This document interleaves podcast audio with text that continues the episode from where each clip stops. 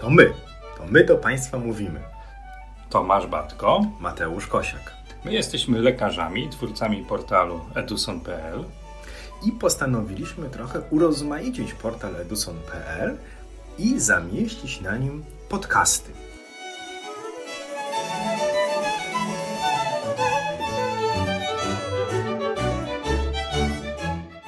Podobno zrobić pranie i włączyć pralkę to nic trudnego. Ale jak podejdziesz do pralki, to na tym pokrętle, pokrętłach jest wiele różnego rodzaju znaczków, bardzo enigmatycznych. Ta ikonografia pralki wcale łatwa nie jest. Nie jest, ale wiesz, to pokrętło to jest jedno, ale jeszcze masz szufladkę, w której masz co najmniej dwie, a zazwyczaj trzy kieszonki, do których możesz różne środki wlać. Odpowiednio korzystając z tych szufladek i tego pokrętła, właściwie zmienia się wszystko. Ale to jeszcze byłoby proste, ale ty musisz się orientować, jaki materiał wkładasz do pralki. O, o, o, o, o, i to jest clue programu prania. Wiedzieć, co chcesz wyprać, bo to, co będziesz prał, determinuje to, jak ustawisz dane pokrętło i z której szufladki skorzystasz. Żeby wszystko wyglądało po wypraniu tak, jak przed wypraniem, tylko było czystsze. No i jednak ludzie piorą, powiem tobie. Piorą naprawdę czyste, noszą, pachnące. Ja ci powiem, moje dzieci się nauczyły obsługiwać pralki, nauczyły się obsługiwać suszarki i sobie dają doskonale z tym radę. Czyli nie jest to skomplikowane. I my trochę byśmy chcieli udowodnić, wykazać, porównać, że taka obsługa ultrasonografu to trochę jak obsługa pralki. Trzeba wiedzieć, gdzie co ustawić, co włożyć do środka, żeby nic nie popsuć. No i pranie gotowe. I podobnie jest z ultrasonografią, z ustawianiem, z praniem, czyszczeniem obrazu ultrasonograficznego. Tak, tu wykonując badanie USG trochę w czasie przesuwa się nasza ocena tego, czy dobrze wybraliśmy program do prania. Bo jeżeli pierzesz jakieś ubrania, natychmiast widzisz efekt. Czy zniszczyłeś te ubrania, czy je wyczyściłeś. Jeżeli wykonujesz badanie USG, w zależności od tego, jaki wybierzesz program, jaki wybierzesz preset, jak ustawisz sobie dane elementy obrazu, tak będziesz wnioskował. Ale te A... wnioski będziesz znał właściwie celność tych wniosków dopiero pewnie po jakimś czasie. Dziś rozmawiamy o regulacji głębokości z angielskiego depth oraz o opcji zoom. Obie te opcje mogą na pierwszy rzut oka niejako powiększać narządy, sprawiać, że są one widoczne większe. Ale, ale, ale jedna i druga z tych opcji, choć podobne, no trochę się od siebie różnią. Nie wiem, czy zauważyłeś, a ja zwróciłem na to uwagę podczas wielu kursów, które prowadziliśmy, zwłaszcza kursów, na które zapraszaliśmy tych początkujących ultrasonografistów. Dla osób bardziej dojrzałych, jeżeli chodzi o wiek metrykalny, czymś naturalnym była regulacja głębokości, czyli depth. Dla osób nieco młodszych dużo większą lepkość te osoby wykazywały wobec funkcji zoom, bo ten zoom istnieje wszędzie w aparatach nowych cyfrowych, fotograficznych, w telefonach komórkowych, w różnych aplikacjach e, i wydaje się wielu z nas, że ten zoom jest tym, co potrafi pokazać nam nieco lepiej pewne funkcje. A tak naprawdę to ta stara, dobra funkcja i to pokrętło głębokości, czyli depth, jest dużo lepszą funkcją. Kręcąc pokrętłem głębokości, mając na przykład na ekranie nerkę, co się będzie działo? Będziemy widzieli, że ta nerka, kiedy głębokość zmniejszamy, będzie zajmowała coraz większą część ekranu.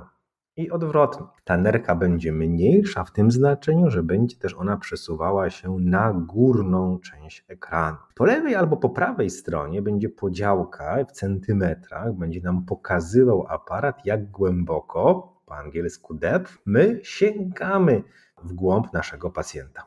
I tu niezwykle istotne jest zwrócenie uwagi na to, żebyśmy tą głębokość bardzo dynamicznie, podobnie jak wzmocnienie, o którym rozmawialiśmy przed tygodniem, używali w czasie całego naszego badania. No bo za każdym razem staramy się tak dobrać głębokość obrazowanych narządów, struktur, zmian ogniskowych, żeby znajdowały się one w centrum obrazu ultrasonograficznego, jednocześnie dając nam szansę zobaczyć to, co dzieje się w koło tego narządu. Czyli wracając do nerki, o której mówiłeś, nieco inaczej ustawimy sobie głębokość, oglądając nerkę noworodka, gdzie ona zazwyczaj leży dużo płycej w stosunku do skóry naszego pacjenta, niż u pacjenta dorosłego, zwłaszcza z pewnego stopnia nadwagą, gdzie tą głębokość będziemy musieli ustawić na nieco wyższe wartości, po to, abyśmy byli w stanie uwidocznić tą nerkę w centrum ekranu razem z sąsiadującymi tkankami. Dobrym zwyczajem jest, jak rozpoczyna się swoją przygodę z ultrasonografią, okiełznać swoje emocje, żeby zaraz po przełożeniu głowicy nie starać się stawiać diagnozy, ale dać sobie od 10 do 15 sekund na to, aby ustawić obraz. I to ustawienie obrazu to między innymi jest element ustawienia głębokości. Mówiłeś o nerce, ale to samo będzie tyczyło się, kiedy z tej nerki przejdziemy do wątroby. Musimy tak sobie ustawić, aby ta wątroba była w centrum naszego zainteresowania na ekranie, żebyśmy widzieli trochę tego, co dzieje się w okolicy.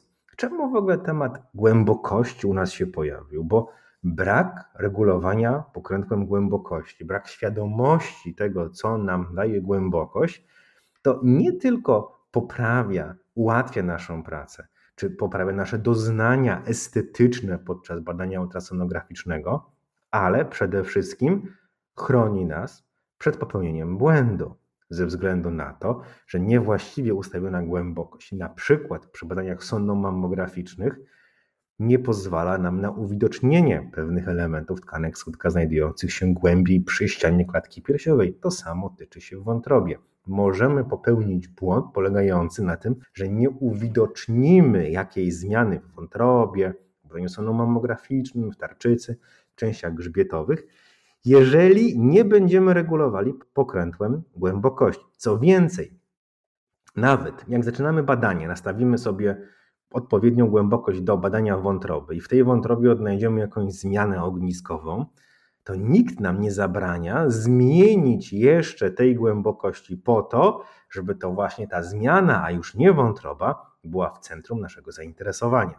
A no właśnie, bo staramy się badać narządy i ewentualne zmiany ogniskowe, które są w nich ukryte, od ogółu do szczegółu. Pamiętajmy, że zaczynamy nasze badanie ustawiając sobie dość dużą głębokość obrazowanych narządów, tak żeby zobaczyć je w całości razem z częścią grzbietową, czyli tą dalszą od czoła głowicy i razem z otaczającymi tkankami, które są wokół tych narządów, a w których może istnieć patologia wpływająca na to, co my widzimy na ekranie, albo na dolegliwości, które zgłasza pacjent. A dopiero potem zmniejszamy sobie tą głębokość, oglądając te struktury, które są położone płycej.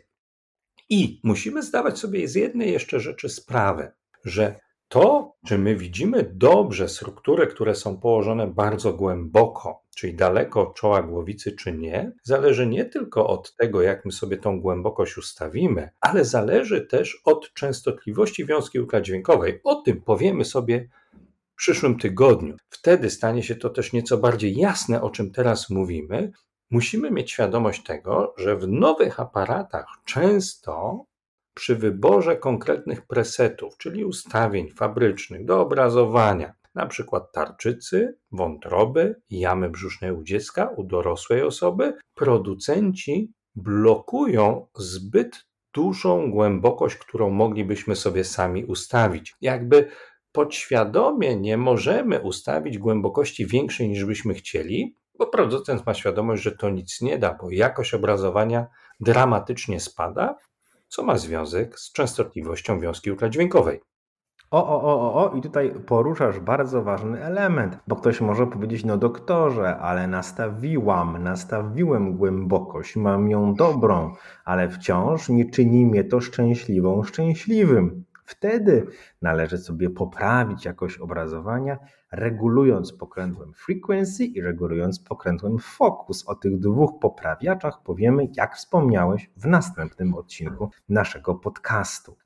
Focus y, i frequency w kolejnym odcinku. Natomiast wracając do tematu tego podcastu, czyli do głębokości, to jest pokrętło, którym regulujemy na początku każdego badania. To jest pokrętło, którym regulujemy podczas badania, przenosząc się z jednego narządu na drugi, i to jest pokrętło, którym regulujemy wtedy, kiedy znajdziemy jakąś zmianę ogniskową w danym narządzie, czy to w nerce, czy w wątrobie.